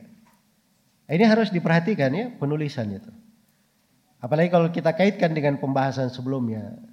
Dia tulis hal yang bermanfaat, oh itu bisa bagus yang dia dapatkan. Tapi kalau dia tulis hal yang jelek, tidak baik, oh hati-hati. Itu juga akan tercatat. Ya, jangan kita berpikir pandai menulis kita saja yang pandai menulis. Ada yang lebih pandai menulis lagi, itu malaikat di kanan dan di kiri kita. Lebih pandai lagi menulis. Ya. Itu harus kita hitung di dalam hal tersebut. Baik.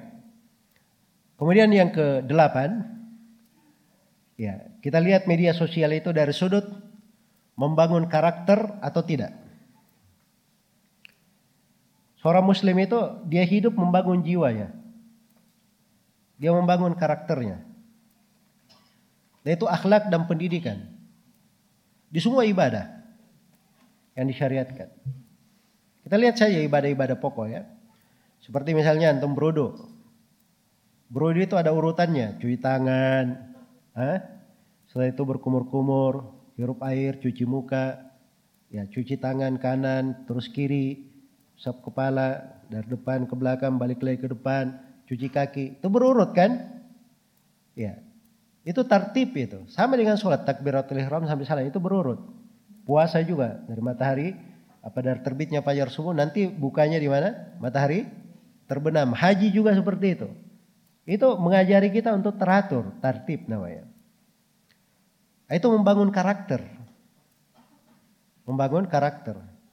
Jadi kalau dia tidak rapi, mengatur dirinya, berarti dia tidak merenungi mana-mana ibadah yang dia dia kerjakan. Padahal itu membangun karakter. Iya. Dari wudhunya, sholatnya, kadang membangun jiwanya supaya dia memiliki kerendahan diri, kesucian hati, kesegeraan, semangat, berbaik sangka. Kemudian dia juga membangun apa namanya? sudut-sudut terkait dengan sudut ilmiahnya. Iya. Dan untuk masalah belajar, untuk masalah belajar, itu tidak ada orang yang belajar secara ilmiah itu dari internet. Maksudnya membangun karakter ilmiah yang benar. Hanya sekedar belajar dari internet atau dari media. Kalau mau membangun karakter benar dan kuat secara ilmu, dia harus duduk depan guru. Itu caranya. Bukan cuma duduk di mana? Lihat di internet. Tapi dia harus datang majelis ilmu.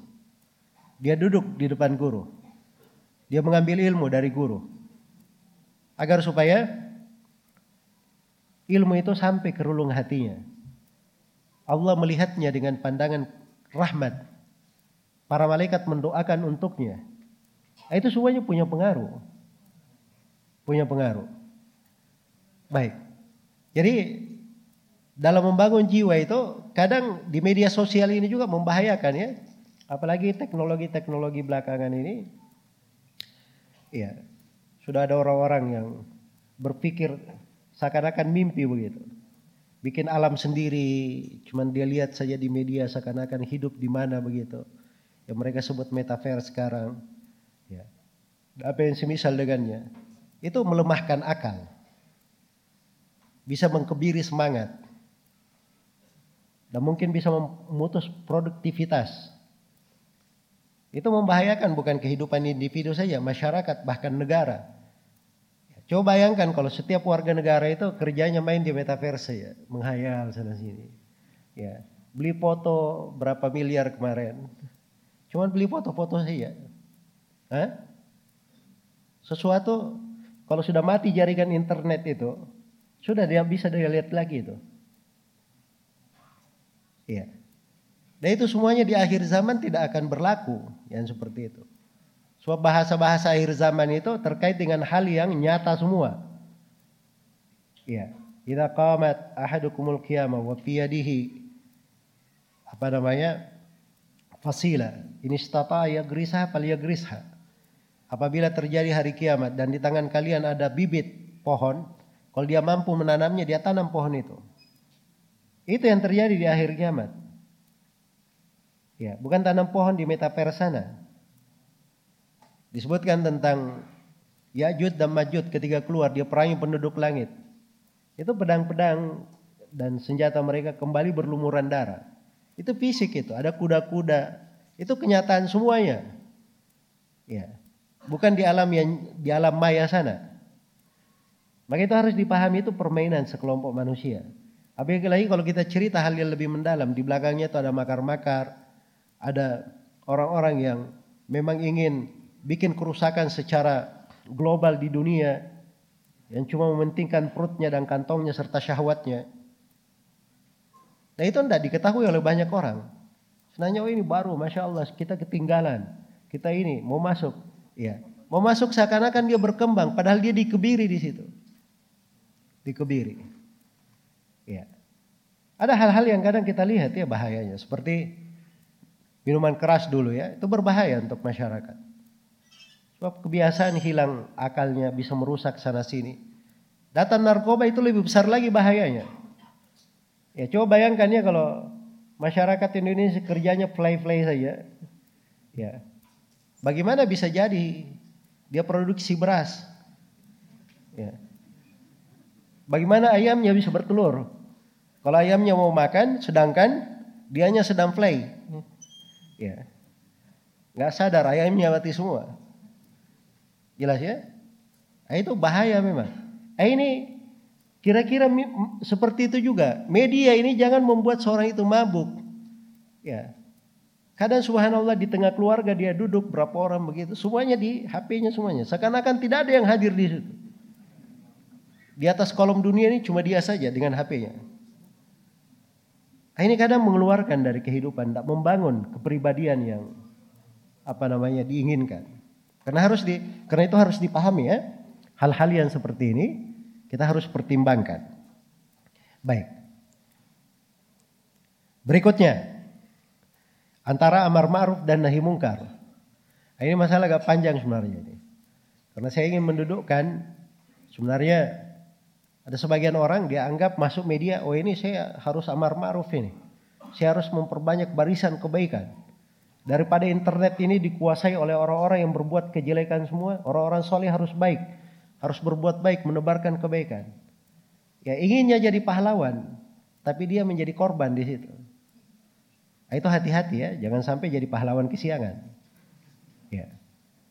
Itu tidak cocok. Sama nahi mungkar. Oh ini kemungkaran harus kita ingkari begini dan begini. Tapi dia sendiri tidak pernah belajar. Dari mana dia tahu itu mungkar? Sebelum mengingkari kemungkaran dia belajar dulu. Supaya bisa dia pilih mana yang mungkar, mana yang tidak mungkar. Apalagi kalau berbicara tentang kebiasaan adat istiadat manusia. Adat itu ada yang dibolehkan, ada yang tidak dibolehkan. Ada yang menyelisih syariat, ada yang tidak menyelisih syariat. Ada hukum-hukum terkait dengannya. Nah, itu harus dia belajar dulu ilmunya, baru dia mengingkari. Baru dia mengingkari. Nah, dia masuk di media-media dengan hal tersebut, itu lebih besar lagi tanggung jawabnya. Yang ke sepuluh, antara orang yang mengikuti sunnah dan tidak mengikuti sunnah. Iya, ini banyak lagi pembahasan di dalamnya. Sebab ingat kita ini dituntut untuk hidup mengikuti Rasulullah Sallallahu Alaihi Wasallam. Dan itu salah satu pertanyaan pada hari kiamat.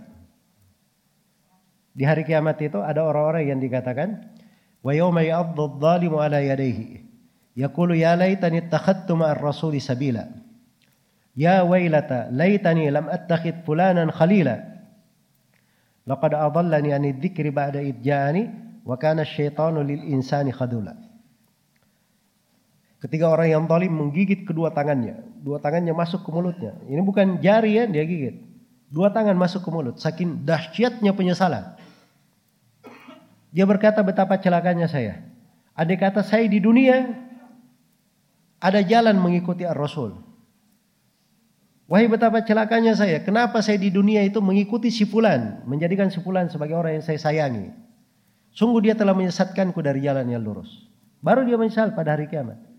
Sebab dia tidak mengikuti jalan Rasulullah Sallallahu Alaihi Wasallam. Nah, ini teman-teman yang sudah belajar sunnah ini, sudah mulai ngaji, sudah mulai belajar ilmu yang benar dari Al-Quran dan Sunnah. Kadang mau jadi pahlawan juga, sok jago di internet. Wah ini si ini, dia sudah tahu ini ahlul bidah. Ya, pemikirannya aneh. Eh, ini bikin apa lagi nih? Komentar apa? Coba saya lihat, nanti saya bantah. Ya, Akhirnya dia lihat masuk syubhat di kepalanya nggak bisa keluar. Pusing tujuh keliling. Bagus kalau dia tetap pergi talim ngaji. Ya, kalau sudah terkapar bagaimana? Nah, ini hal-hal yang seperti ini harusnya dihindari. Karena itu dalam Al-Quran kita dikatakan wala tarkanu ilal ladina zalamu fatamassakumun nar. Jangan kalian condong kepada orang yang zalim sehingga akibatnya kalian bisa disentuh oleh api neraka. Wa idza ra'aita alladziina yakhuduna fi ayatina fa'arid anhum hatta yakhudu fi haditsin ghairi.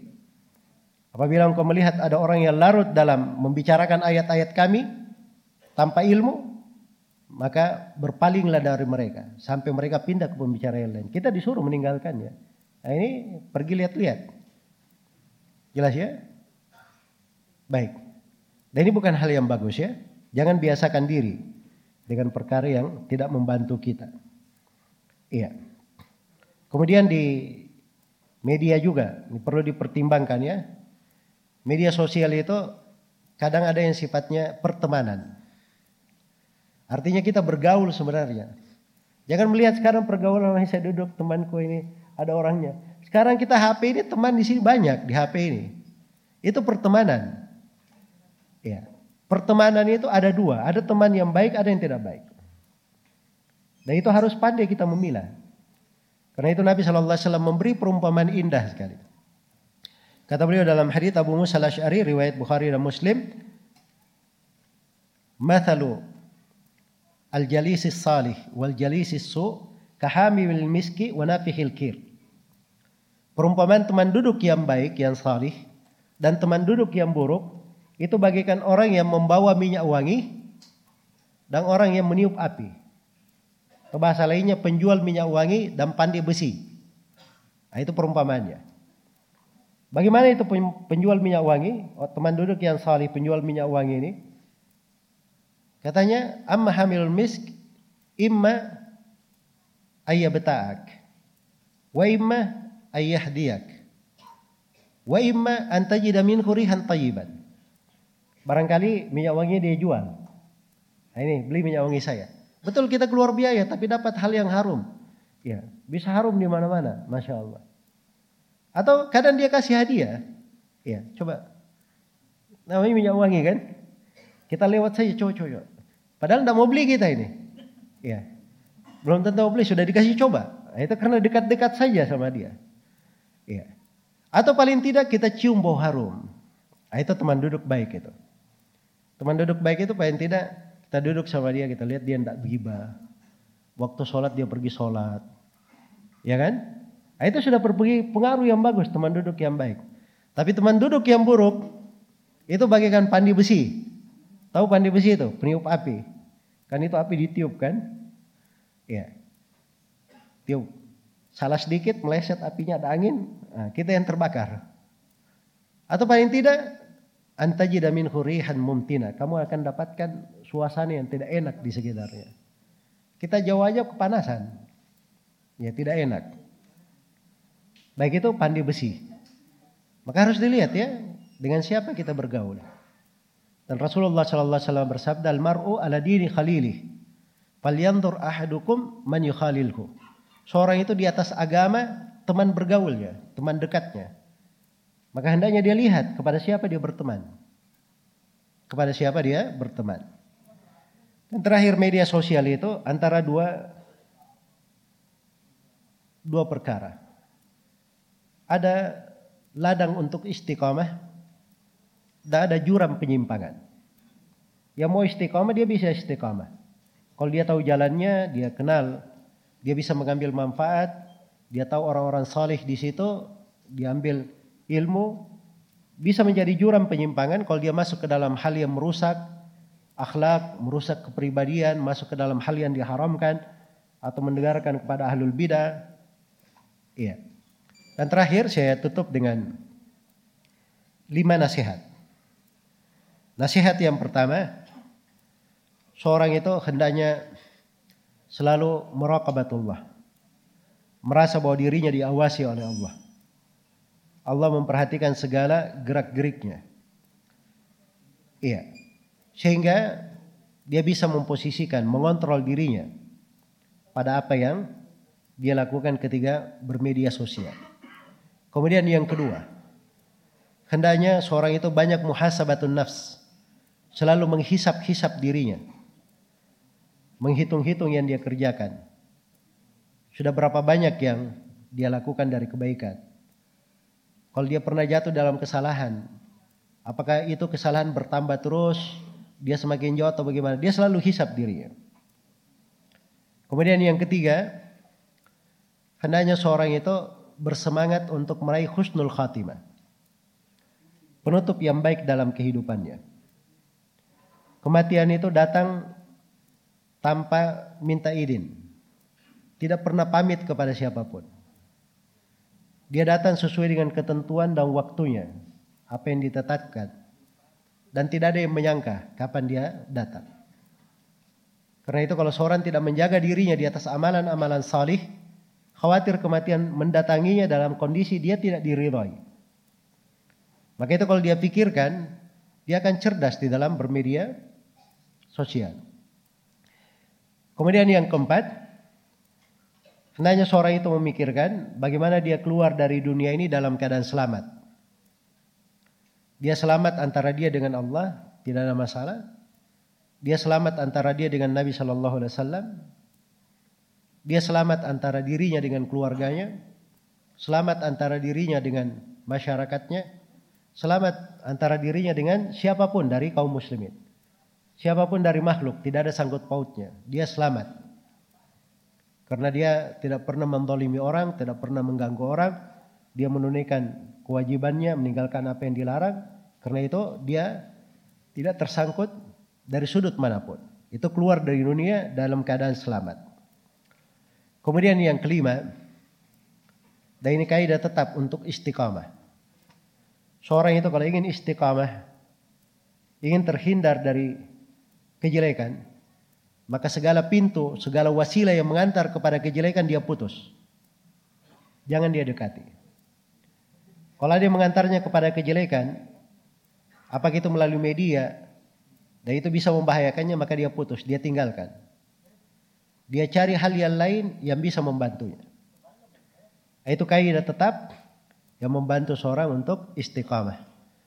Baik, ini sudah berlalu ya, 10 menit dari waktu yang diberikan untuk pembahasan di sore hari ini.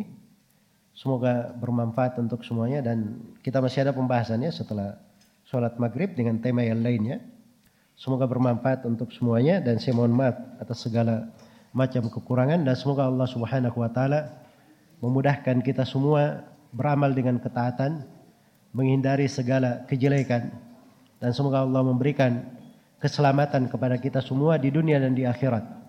Menganugerahkan kepada kita istiqamah di atas jalannya, di atas Islam dan sunnah di seluruh fase kehidupan kita hingga kita menghadap kepada Allah Subhanahu wa taala kelak di kemudian hari innahu waliyyu dzalika wal qadiru alaih wallahu taala alam subhanakallahumma wa bihamdik asyhadu an la ilaha illa anta Astaghfiruka wa atubu ilaik. Walhamdulillahi rabbil alamin.